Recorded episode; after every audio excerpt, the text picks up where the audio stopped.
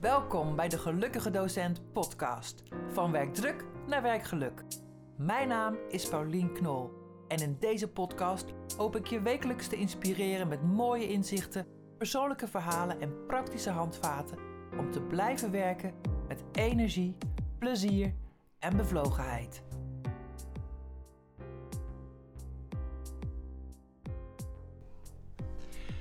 Welkom luisteraars bij weer een nieuwe podcast van de Gelukkig Docent. Ik zit uh, vandaag met Maurice van Bokhoven. Hij werkt voor het onderwijsdomein. En um, Maurice, wat heb jij eigenlijk met onderwijs? Welkom trouwens. Dankjewel Pauline deze zondagochtend in Zeist. En uh, met het oog op morgen kan het ook nog nacht zijn als je luistert. Ja. Um, ja, wat heb ik met onderwijs? Onderwijs is, is denk ik een van de allerbelangrijkste basisbeginselen ehm, voor, voor onze maatschappij om op te groeien en te ontwikkelen. Hmm. Um, zelf heb ik niet zo'n hele mooie tijd gehad met onderwijs nee. als kind zijnde. En dat heeft eigenlijk te maken dat ik was zo dyslectisch als een garnaal. Ik ben nu net uh, 51 en ja, in mijn tijd was dus dyslexie nog niet echt uh, een, een, een, ja, een geaccepteerd stukje. Um, dus ik werd al heel snel, werd ik eigenlijk, um, um, werd mij verteld dat ik niet oh. goed kon leren. Ik was ja. niet intelligent genoeg, ik was niet slim genoeg. Ja. en dat kwam eigenlijk omdat schoolonderwijs, die bepaalde alles met een cijfer. Ja. 0 tot en met Dat is nog 10. steeds, hè? Dat is nog steeds. En naarmate ik natuurlijk wat ouder word en naarmate ik natuurlijk veel dingen ervaar en meemaak, maar ook over mezelf leer, hè, want je -hmm. ontwikkelt jezelf. En vooral als mensen zeggen dat je iets niet kan, dan heb ik wel zoiets van ja, dat zeg jij, maar wie zegt dat ik dat niet kan? Dus ik ga het gewoon doen, dus ik kan het wel. Um, en zo ben ik eigenlijk achter mijn eigen kwaliteiten gekomen in de loop van de jaren, mm. achter mijn eigen talenten gekomen in de loop van de jaren. En achteraf met testen blijkt zelfs dat ik hoogbegaafd ben, dat ik hoogsensitief ben, dat, dat ik hoogst intelligent ben, volgens alle uh, principes. Mm. Um, dus het niet mee kunnen komen op school omdat ik dyslectisch was, omdat ik niet paste in de regel van 0 tot 10. Ja, dat heeft mijn ogen wel doen geopend oh. over het systeem waarin we nu zitten oh. als we praten over het onderwijs. Ja, ja. En je werkt nu voor het onderwijsdomein. Kan je daar iets over vertellen? Want ik denk, ik weet niet of mensen dat kennen, maar wat, nou, wat doe je en wat... Uh... Het onderwijsdomein is een organisatie die uh, uh, mensen vanuit het onderwijs die daar werkzaam in zijn. En breed, hè? Ja, gewoon breed. breed. Ja. Dus iedereen die ook faciliteert of doseert binnen het onderwijs. Um, die vastzit of vast is gelopen in hun uh, carrière. die kunnen wij een overnamecontract bieden, waardoor zij vanuit veilige basis bij ons mogen gaan ontdekken wie ze zijn en ook te kunnen gaan doen wat ze eigenlijk altijd hebben willen ja. doen. Even in mijn woorden, dan, dan nemen jullie ze over, zeg, dan komen ze bij jullie in dienst. Klopt. En dan mogen ze uh, doen om wat ze willen? Of hoe, hoe nee, wij, wij bieden ze een traject aan, zodat oh, ja. zij uh, vanuit het uh, ja, traject, duurzaamheidsinzetbaarheidstraject dat wij voeren, kunnen gaan ontdekken wie ze ja. eigenlijk zijn en waar ze eigenlijk heel erg Een soort loopbaantraject is dat dan, ja. Uh, en wij faciliteren eigenlijk de behoeftes die ze hebben om ja. datgene en die stap te kunnen gaan zetten die ze eigenlijk ja. willen doen. Ja, mooi. Ja, mooi. dat is wat we in de breedste zin van het woord doen. Ja. Je noemde net al iets dat jij zo uh, uh, achter je eigen talenten bent gekomen. Hè? Ja. En nu ben je weer bezig om mensen te begeleiden uh, te ontdekken wat hun talenten zijn. Wat, wat drijft jou daarin? Nou, kijk, ik, ik ben van mening dat uh, een groot deel van de Nederlandse beroepsbevolking en ook binnen het onderwijs hun talenten niet goed benut. Ja. Omdat wij vanuit een gestructureerde omgeving eigenlijk worden verteld wat je wel en wat je niet mag doen. Ja. Uh, dat betekent dat je aan een bepaalde structuur een proces moet houden om van A naar B te komen.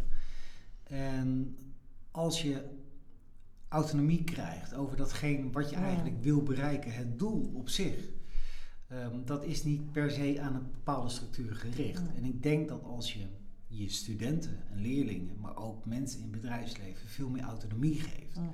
zodat ze kunnen ontdekken waar ze zelf goed in zijn, waar ze zelf energie van krijgen, waar, waar hun eigen valkuilen liggen, dan ben je niet bezig met het afstraffen van fouten. Dan ben je juist bezig met het belonen van fouten. Ja. En het kijken van ontwikkelbehoeftes en wat je nodig hebt om gelukkig te kunnen blijven in hetgeen wat je kan en wat je wil doen. Ja. ja, autonomie is ook een van de eh, aspecten van werkgeluk natuurlijk. Hè? Ja. En wat motiveert. Wat betekent dat voor, voor jou, autonomie in jouw... eh, Autonomie. Autonomie. Autonomie betekent voor mij dat ik mijn vleugels kan blijven uitslaan. Ja. De, de kant op waarbij ik me goed voel. hm, Eh, en waarbij je je goed voelt, wil eigenlijk alleen maar aangeven dat, dat je de dingen doet met plezier en met, ook met werkgeluk. hm. Ehm, dat je niet thuis komt met, met een uitgebluste, een uitgebrande energiehaard. Mm. Dat je eigenlijk je moet opladen om je volgende dag weer op te kunnen vegen, om weer aan de slag te kunnen gaan. Ja.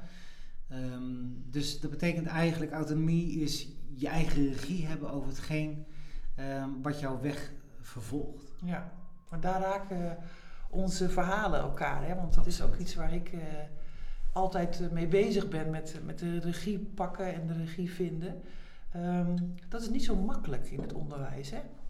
Je Nee. hebt net al die structuren en die kaders. Nou ja, ik, ik ben van mening dat het eigenlijk helemaal niet makkelijk is. eh, ehm, überhaupt niet, zowel in het onderwijs als in het bedrijfsleven Mm. of, of waar dan ook. En dat heeft ook te maken met de manier waarop wij eh, met mensen omgaan.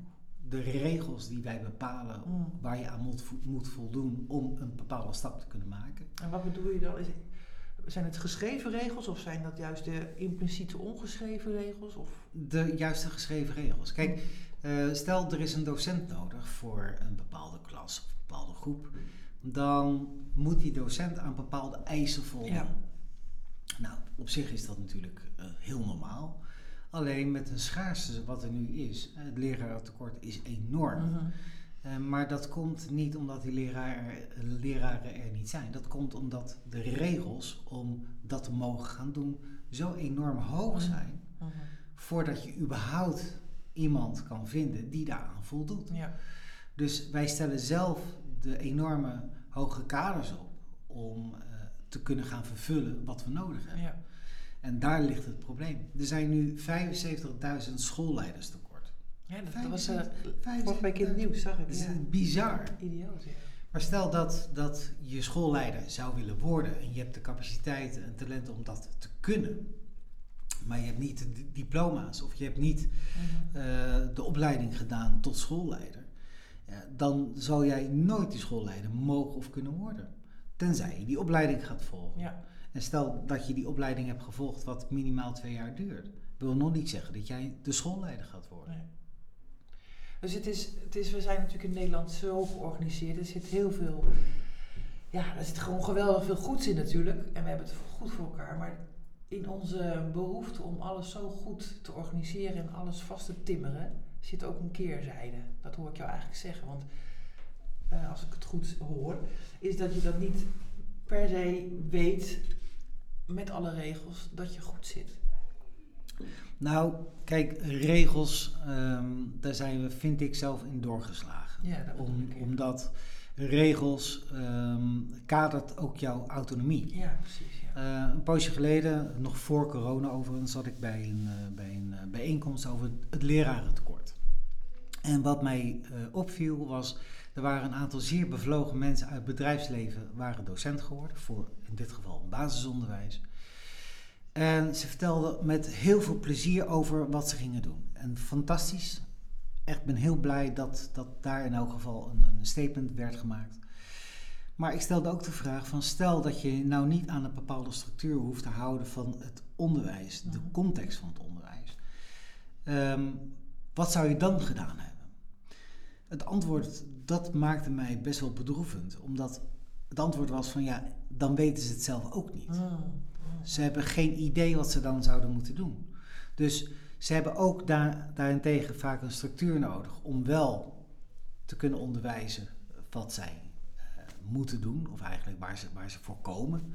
Ze moeten dus weten waarvoor ze komen, maar ik denk dat dat komt omdat wij ehm, zo ingeburgerd zijn in, in de processen en de structuren, dat het zelfdenkend vermogen op dat vlak ehm, eigenlijk bijna tot stilstand is gekomen. Ja, dat herken ik wel. Ja. Ik weet nog wel dat ik ehm, eh, mijn lessen moest geven en dan had je een bepaalde methodiek of je had een bepaalde eh, lesinhoud en dat lag allemaal vast.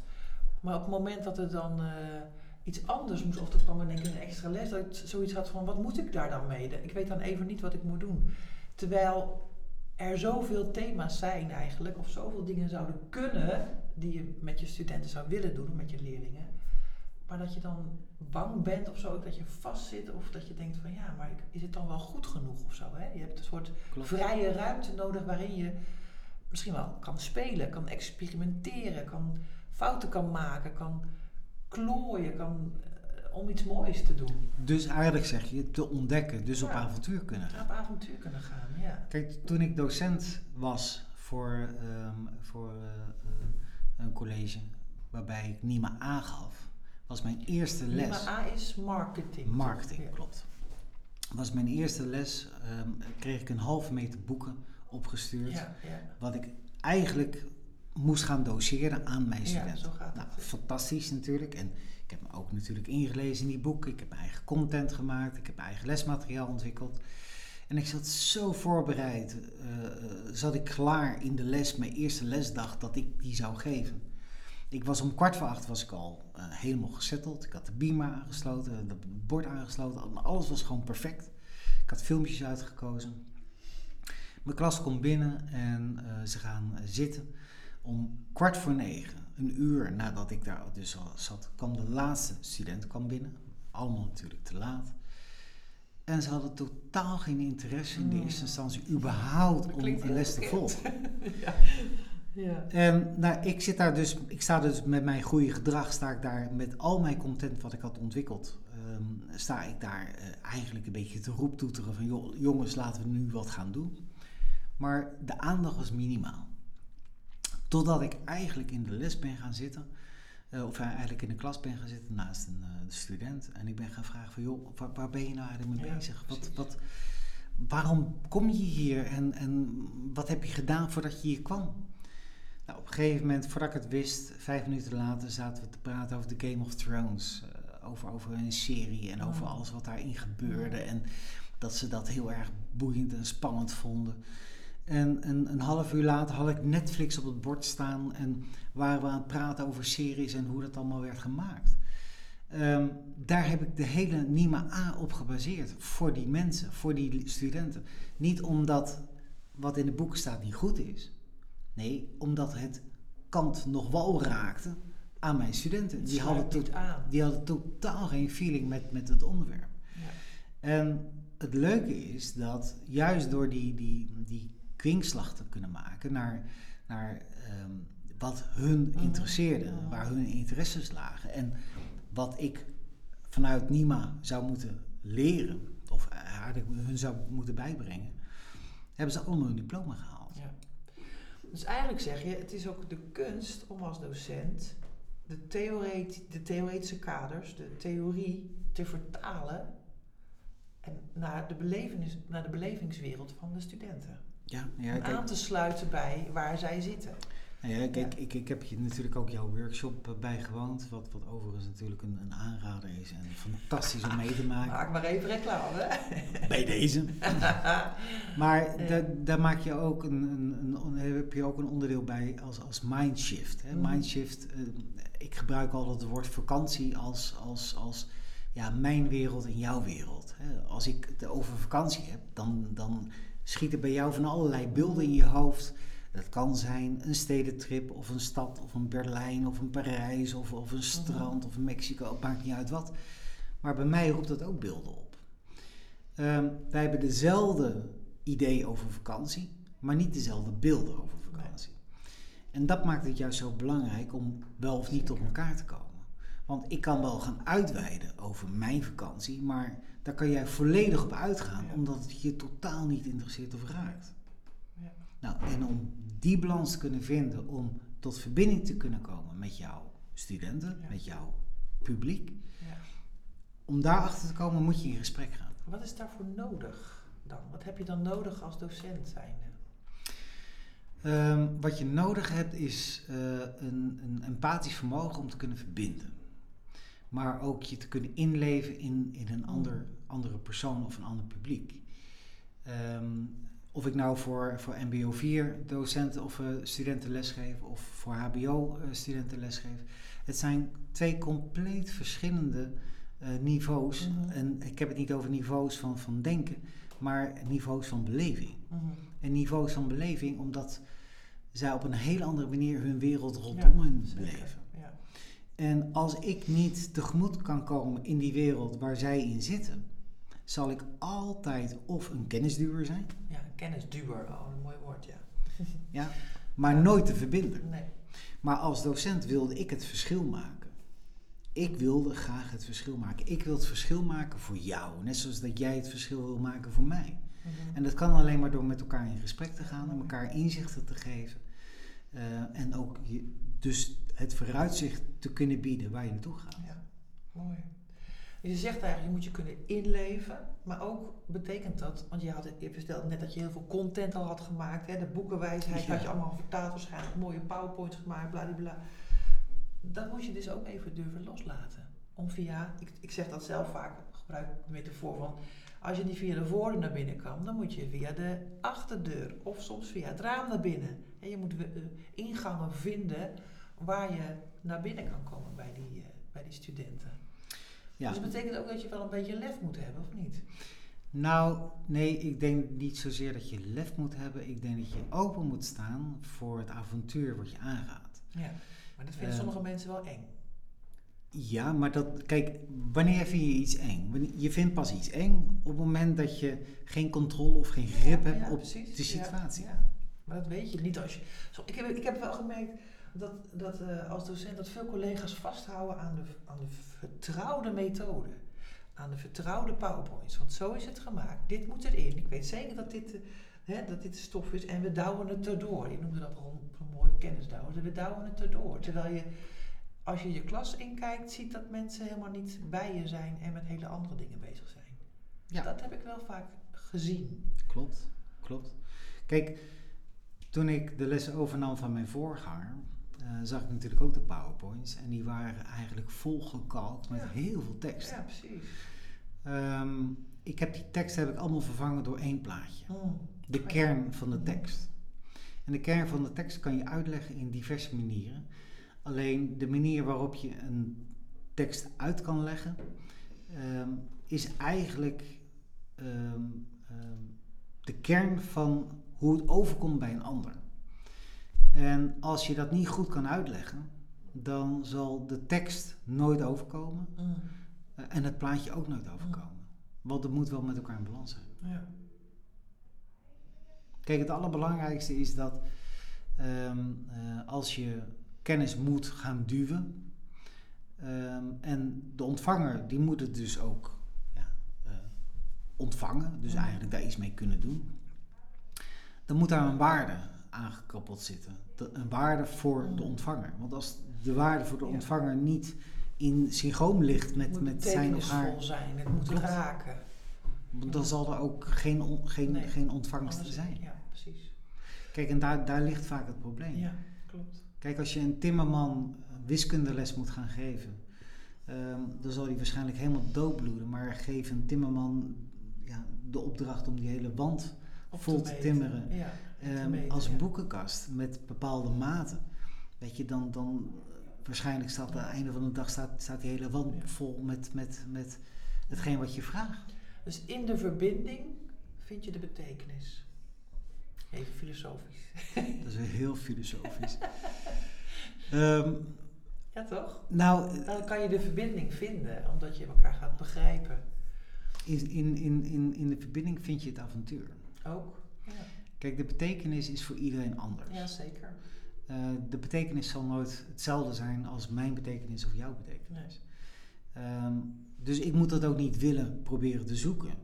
Het probleem is dat we willen dat allemaal gelijk hebben. Dus ehm, de betekenis moet voor mij hetzelfde zijn als voor jou. Ja, En daar ligt al per definitie een probleem. ja. Want dan ga je elkaar niet vinden. Dan ga je elkaar nooit Nee. vinden. En je moet het ook kunnen accepteren dan, hè? dat het voor de een anders is als voor de ander. Eh, ja, daar zit een dingetje. Uh, een dingetje, wat bedoel ik daarmee? Uh, ik heb ook gemerkt dat, ook in het begin, want ik heb ongelooflijk veel fouten gemaakt, zeker bij mijn klas in het begin. Dat mijn betekenis dat ik dacht dat was ontvangen en de klas ging weg. Um, en de volgende dag waren ze er weer. Dacht ik van, dan kan ik het daar weer oppakken. Ja, ja, ja. Maar niks is minder waar. Nee. Dat, dat gaat nee. gewoon niet. Want je moet weer diezelfde betekenis moet je weer op een andere manier gaan invullen om weer die aandacht Klopt. te krijgen. Ja. Dus het blijft een avontuur. Ja. En zolang je dat avontuur maar blijft omarmen, ga je er ook wel komen. Maar je moet het wel om, omarmen. Wat, is, wat zou jij een docent uh, zeggen, of wat tip zou je hebben voor een docent die zichzelf herkent in het verhaal van ja, ik zit een beetje vast, ik, ik, zit, ik merk dat ik uh, in de structuren vastzit, ik, wil, uh, ik, wil, ik ben, ben aan het kennis duwen en ik vind geen verbinding. Welke tips of welke adviezen zou jij uh, hebben voor deze mensen? Een docent die um, eigenlijk vanuit zijn comfortzone, want dat, daar praat je eigenlijk over, mm. iets wat je altijd hebt gedaan, dat pak je dan heel vaak ja. weer terug, omdat je dat kent. Um, probeer eens om te denken. Ga het avontuur eens aan. Uh, in plaats van dat je voor de klas gaat staan, ga eens gewoon in je klas zitten. Um, ga gewoon eens luisteren naar wat er wordt gezegd in de klas. Ook over jouw lessen. Maar probeer ook die kritiek te ontvangen. Um, want ook jouw lessen zijn niet altijd even fantastisch. Nee. maar dat heeft niks te maken met jou. Dat heeft vaak te maken met de situatie waar je in zit. Of de klas rumoer die, die er heerst. Uh, ik had laatst had ik een, eh, een uh, ik ben ook mentor voor een aantal docenten. En laatst vroeg een docent aan mij van, joh, ik kan mijn klas niet bereiken, die zijn zo vervelend.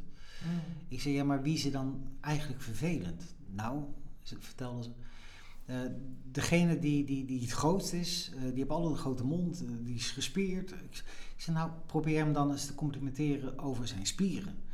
Uh, probeer hem dan eens te vragen van joh, hoe zijn sportwedstrijd was. Of probeer hem dan te vragen van joh, uh, hoe komt het dat jij zo gespierd bent?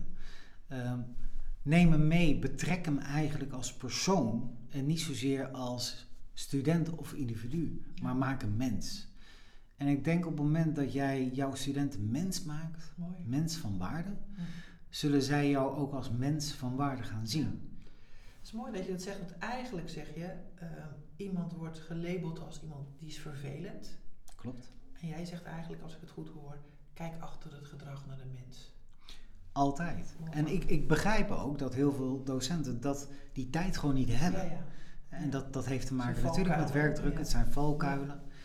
Uh, laatst had ik ook een, een, een uh, beginnend docent die uh, wilde heel graag voor de klas staan. En um, hij wilde ook heel graag van meerwaarde zijn voor, zijn, voor studenten überhaupt. Hij wilde eigenlijk betekenisvol kunnen zijn in de keuzes die ze daarna gaan maken. Ik zeg ja, maar weet dat als jij één keer per dag 50 minuten les geeft aan een klas. En de andere zes uur wordt, of zes keer 50 minuten wordt door anderen gegeven. Um, wat jij dan moet doen in 50 minuten, dat is een kennisoverdracht. En ook dus die waarde moeten toevoegen. Dus bepaal ook voor jezelf de positie waar je hier dan staat. Onderwijs gaat niet alleen over, over kennis duwen of een bepaalde les geven. Het gaat over veel meer. Dus als jij kan faciliteren binnen een organisatie als onderwijs om studenten te begeleiden en te helpen, dan zou ik eerder daarop gaan focussen als dat jouw wens is. En zo zijn er eigenlijk allemaal kleine verschillende manieren. Ja om goed te kijken van oké, waar liggen mijn persoonlijke behoeftes? Waar liggen de behoeftes uh, van, van, van hetgeen waar, waar ik mee aan de slag wil gaan? Mm. En als je dat weet en dat in balans kan krijgen, mm. um, dan, dan ben je al een heel eind. En weet dat het ook blijft veranderen. Mm. Ja, het is altijd in ontwikkeling. Het blijft altijd in ontwikkeling. Kijk, als je, als je 15 jaar voor de klas hebt gestaan, uh, wil niet zeggen dat je het 15 jaar niet goed doet. Uh, maar ik ben wel van mening dat als je een, een onderwijsinstantie uh, op een, bij een onderwijsinstantie werkt um, en je staat vier jaar voor de klas en je gaat daarna gewoon één jaar iets anders doen. Hè? Ga je je bezighouden met examens, toetsen of, mm -hmm. of Gebeurt vaak hè ook. Gelukkig Ja, wel. ja. En je gaat daarna weer bepalen of dat je weer voor de Ja. klas gaat of dat je een andere kant op gaat. Dan ben je ook zelf bezig met duurzame ontwikkeling. Ja. Eh, omdat je, als je niet uit die tunnel wordt gehaald waar je in zit, dan zal je niet de tunnel blijven rijden. Hm. Mooi. Dus eigenlijk zeg je, neem af en toe een tijd om ja, eruit te stappen en te kijken wat het dat oplevert. Hè? Hoe je dan naar je eigen situatie kijkt, naar je realiteit van werken. En misschien nieuwe perspectieven krijgt. Nou, wees niet bang om eruit te stappen. Ja, precies. Kijk, heel veel mensen zijn bang voor het onbekende. Ja, En eh, ja, ik, ik vind bang wel een heel, heel zwaar woord. Laten we het even over angstig hebben. Eh, ik kan me voorstellen dat dat een stuk angst op kan leveren. Zeker. Omdat je natuurlijk je volledige financiële zekerheden hebt opgebouwd Ja. rondom hetgeen wat je aan het doen Ja. bent. Ehm, helaas is het zo dat je op je zestiende al moet gaan bepalen welke kant je op Mhm. wil eh, of op moet. En dat je tussen 20 en 30ste levensjaar eigenlijk je studie al hebt moeten bepalen van oké, dat wordt mijn beroep. Ehm, en als je dan eenmaal ergens zit en je voert dat uit, wees niet bang voor je eigen ontwikkeling en voor je eigen ehm, eh, plezier die, die je eigenlijk zoekt eh, naar ook je eigen toekomst. Ja. Ehm, want het blijft daar niet stilstaan. Ja.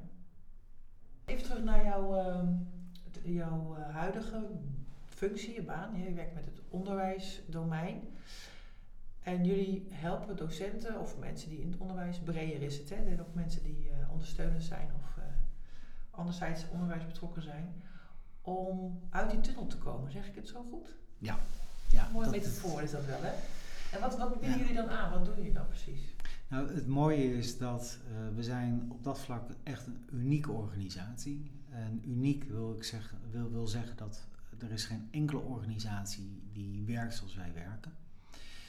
Ehm, wij tarten en wij schuren eigenlijk met alle regels die er zijn. Ehm, wat bedoel ik daarmee? Ehm, zodra iemand binnen het onderwijs werkzaam is en die zit niet meer op zijn plek dan worden alle registers binnen het onderwijs opengetrokken. Er komt HR om de hoek heen Mhm. kijken, er komt Ja, om de hoek ja, heen kijken, ja. jurist, eh, mediation, noem het maar op. Ehm, om dossier op te bouwen, bouwen om van een persoon af te moeten of kunnen. Linksom of rechtsom. Komt onrust binnen het onderwijssysteem of binnen de afdeling. Of eh, mensen worden ziek of eh, krijgen een burn-out of een Ja. bore-out, vallen Ja. uit. Wat wij zeggen is van al die regels die nodig zijn om jou daaruit te werken, want dat gebeurt eigenlijk gewoon heel plat geslagen, die zijn niet nodig op het moment dat je met ons in contact komt. Want wat wij doen, is wij bieden jou eigenlijk de onderwijspersoon, die, die, die, de docent of de faciliterende, eh, een vast contract aan voor onbepaalde tijd. Die komt bij ons. Dus wij bieden diezelfde zekerheid. Ze ontvangen bij ons dezelfde financiële eh, zekerheden die ze daarvoor ook eh, ontvingen. Ze krijgen bij ons dus een vast contract tot aan een pensioengerechtigde leeftijd. Ehm, plus het opgebouwde AWP. Ehm, dat zijn eigenlijk de allerbelangrijkste zekerheden die iemand nodig heeft om te mogen zijn wie hij eigenlijk is. Want hetgeen wat hij heeft opgebouwd, of wat zij heeft opgebouwd, dat blijft gewoon bestaan. Ja. En dus is er vrijheid en ruimte om te gaan kijken wat wil je en wie ben je en wat kan je. Ja, en dat stukje, daar hebben wij een hele fantastische mooie begeleiding op ontwikkeld. Dat doen wij duurzaam. Ja. En dat betekent dat eigenlijk na ehm, het duurzaam inzetbaarheidstraject van ongeveer drie, vier weken, ehm, ligt er ongeveer een blauwdruk van wie jij bent. Mm. En die blauwdruk, daar kan je uit opmaken waar je energie vandaan haalt, waar je talenten liggen, waar je valkuilen liggen, maar ook waar je energie gaat Loopbaan leggen. screening ook. Klopt. Ja. Ehm, en daar is een van die onderdelen is een, eh, eh, een talentgericht assessment. Eh, wat jou eigenlijk terugbrengt eh, van 4 tot 12 jaar. Mm. Ehm, eh, en alles wat jij in die periode hebt mogen. In je kindertijd bedoel je? Echt je kindertijd. Ja, dus waar was je vroeger als kind goed in en wat, waar, je, waar werd je blij van? Nou, vooral de laatste, waar werd je blij van? Ja. Kijk, het- als jij heel goed bent in, in een marathon lopen, of je bent heel goed in speerwerpen of, of in zwemmen, wil nog niet zeggen dat jij een Olympische medaille kan halen. Want dat is weer van een hele andere ja, ja, orde. precies. Dus wat, wat wij doen is als jij er plezier uit beleeft, dan zorgen wij dat jij, jij eh, een duurzame, plezierige periode kan ontwikkelen Mm. voor jezelf, maar wel met die eh, de wetenschap dat die ontwikkeling niet stilstaat. Dat je kan en mag blijven innoveren. Ja. Mooi. Dat is eigenlijk wat we doen. Ja. En wat is jouw ervaring met eh, de, de mensen die jullie begeleiden? Gaan die weer gaan die andere carrières op of gaan die ook weer terug het onderwijs? Of is dat heel divers? Ja, het is best wel divers. Ehm, het grappige is, eh, wij ontvangen eh, vanuit alle lagen van, van het onderwijs, eh, ontvangen wij eigenlijk ja, personeel. Zowel directie, teammanagers als docenten als faciliterend. Ehm, en men komt er ook vaak achter dat ze zelf een, een, een, een ontwikkel ehm, eh, behoefte hebben Ja. om een andere kant op te gaan. ja, ja. En dus we merken dat, dat eh, er is iemand die is eh, de sociale welzijnsorganisatie ingegaan. Een andere die wilde graag de zorg in. Zo hebben we ook mensen die, die toch wat liever op een financiële eh, boekhoudkundige controlefunctie zitten. Eh, of een directeur die toch liefst eh, ehm, zeg maar met, met eh, operationele zaken en projectmatig wil gaan werken. Of voor mij part in de horeca of in, in de vrije tijdsbesteding gaat zitten. Ja, we, we Ja. komen heel veel dingen je tegen. natuurlijk ook geen invloed meer op waar Nee. uiteindelijk Nee, maar het leuke is omdat ehm, op het moment dat ze bij ons in dienst komen, zijn ze verzekerd van inkomen. mm, En als jij vanuit een veilige positie kan gaan bepalen wat je eigenlijk altijd Ja. hebt willen doen, ja. Eh, zonder dat daar ernstige Geen consequenties ja, aan geen restricties, geen consequenties. Klinkt als een droom, denk ik, voor heel veel mensen. Maar dat, dat, dat is het op zich Ja, ook. dat is mooi. Ja. En iedereen zoekt ook naar het alletje rond het gas en niemand kan dat vinden. Oké. En dat is wel het mooie. Ja. Ik heb nog een. eh, ik sluit altijd de podcast af met een wondervraag. Een wondervraag. O wondervraag. jee, De wat als. wat als. Wat als jij ehm, volgende week, of morgen, laten we zeggen morgen, ehm, de onderwijsminister zou zijn? Onderwijsminister. Ja, met, met alle woorden, Oh, jij mag invloed uitoefenen, je hebt een pot geld. Wat zouden jouw drie speerpunten zijn om aan te pakken in het onderwijs? Afschaffen van prestatiegericht onderwijs, per direct. Ehm, niets meer belonen met cijfers, maar eh, gewoon belonen met plezier en met, eh, met avontuurlijke aandacht. Ehm, ik zou het basisonderwijs, kinderopvang, of eigenlijk wat is het, de, de VO, eh, PO, eh, voort- PO, ja. ik zou, ik zou de ba- het basisonderwijs zou ik maken tot 16 jaar. Gewoon voor, voor, voor iedereen. Die, school. eh, gewoon echt een brede school. En vanaf 16 jaar gaan bepalen van oké, waar krijg je ongelooflijk veel plezier eh, van om dat als beroep ehm, voor nu uit te oefenen. Niet voor de toekomst, maar voor nu. Zodat je in ieder geval kan blijven ontwikkelen. Ehm, en ik zou in elk geval eh, mensen willen motiveren met hun talenten. Mm. In plaats van met hun eh, eh, prestaties op, op het gebied Mooi. van dat is goed of dat is niet Ik goed. heb het idee dat dat ook op dat laatste, dit talentontwikkeling ook een tendens wordt. dat o- zie ik regelmatig oppoppen. Talentgericht onderwijs, talentenpaspoort. Ja, Ook klopt. voor klopt. Leerlingen. Nou, kijk, talent is natuurlijk een, een, een vreemd goedje. Ehm, talent innoveert. Eh, talent staat. mee ontwikkeld, bedoel je? Ja, zeker. Eh, talent staat natuurlijk nooit vast Nee. eh, op het moment. Je kan ergens goed in zijn, maar dat wil niet zeggen dat je, dat je daar heel veel plezier uit kan halen. Dus talent en competenties en plezier zijn eigenlijk drie zaken die onlos, onlosmakelijk Mm. van elkaar verbonden Ja. zijn. Dus het moet wel met elkaar in balans. Ja. En als je dat durft te erkennen en als dat ook gewaardeerd wordt door de samenleving waar je in leeft, dan heb je een duurzame talentontwikkeling. En niet zozeer ehm, een, een talent van de dag. Hè, want een sporter ehm, die de Olympische Spelen haalt, eh, als je 45 bent, dan ga je ook niet meer sporten op dat vlak, op dat niveau. Dus dan moet je ook iets anders met jouw talent gaan doen of met jouw ontwikkeling gaan doen. Eh, en het grappige is, heel veel sporters die op latere leeftijd iets willen gaan doen, dan merk je dat zij of coach of trainer of Mhm. eh, Mhm. iets in die geest aan het worden zijn. En wat ze bijna allemaal zeggen is van, ik wil de sporters van nu wil ik behoeden voor de fouten die ik toen heb Mhm. gemaakt. En ook voor het plezier wat ik toen niet meer beleefde, Mhm. of het geloof wat ik in mezelf niet meer had, eh, om toch eh, die vaardigheden Ja. ja, in te zetten zodat ze kunnen blijven doen waarvoor ze gemaakt Ze zijn. maken van hun eigen verhaal hun, eh, ja, hun ambitie om anderen daarbij te helpen. Klopt, en ik denk als wij een, een, een, een aantal mensen of een aantal jaren mensen gaan opleiden op dat vlak, eh, begeleiden, zeker op dat vlak, zullen we het stokje over blijven geven. Ook naar de volgende, volgende generaties. mooi. Dat lijkt me een hele mooie closure. Dankjewel, Maurice, voor dit eh, gesprek. Dankjewel. En, ik vond het eh, ontzettend leuk en ontzettend bijzonder om in een microfoon te praten. Ja, ja. Ik, ik wil je bedanken voor je komst. Dankjewel voor het luisteren naar deze podcast. Ik hoop dat het jou geïnspireerd heeft. Als je nog niet geabonneerd bent, doe dat even.